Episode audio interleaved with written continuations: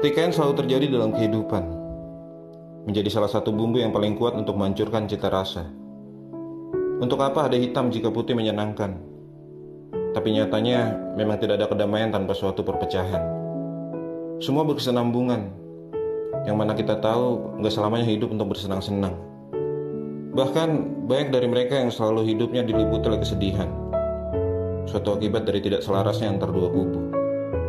Peraduan paham yang tidak ada kata toleransi, dan semua perbedaan yang memang harus dibedakan. Peperangan yang sengaja untuk dicari karena adanya kebencian. Tidak suka dengan mereka yang tidak sepakat dengan paham kita. Hingga pertengkaran yang bisa terjadi dalam satu keluarga besar. Amarah yang tidak pernah pandang suasana. Kebencian yang tidak pernah pandang status. Juga segala hal yang benar dan tak mau mengalah. Tangis pertemanan menjadi kesedihan perbedaan Tawa persahabatan menjadi senyum permusuhan. Keindahan adalah kehancuran. Meski semua tahu apa yang membuat ini menjadi kacau. Mengapa semua itu dilakukan jika akan menjadi buruk?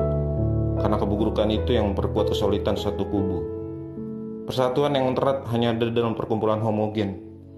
Ledakan-ledakan intimidasi pada organisasi juga individu.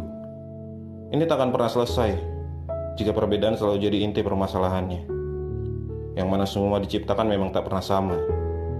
Jadi, jika tidak ada pertengkaran dalam hidup ini, di mana warnanya?